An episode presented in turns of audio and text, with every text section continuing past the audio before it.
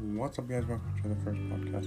Today's podcast, guys, we are just talking about YouTube and how I got into it. So, first, I t- um I started to um first I asked my parents if I could start YouTube.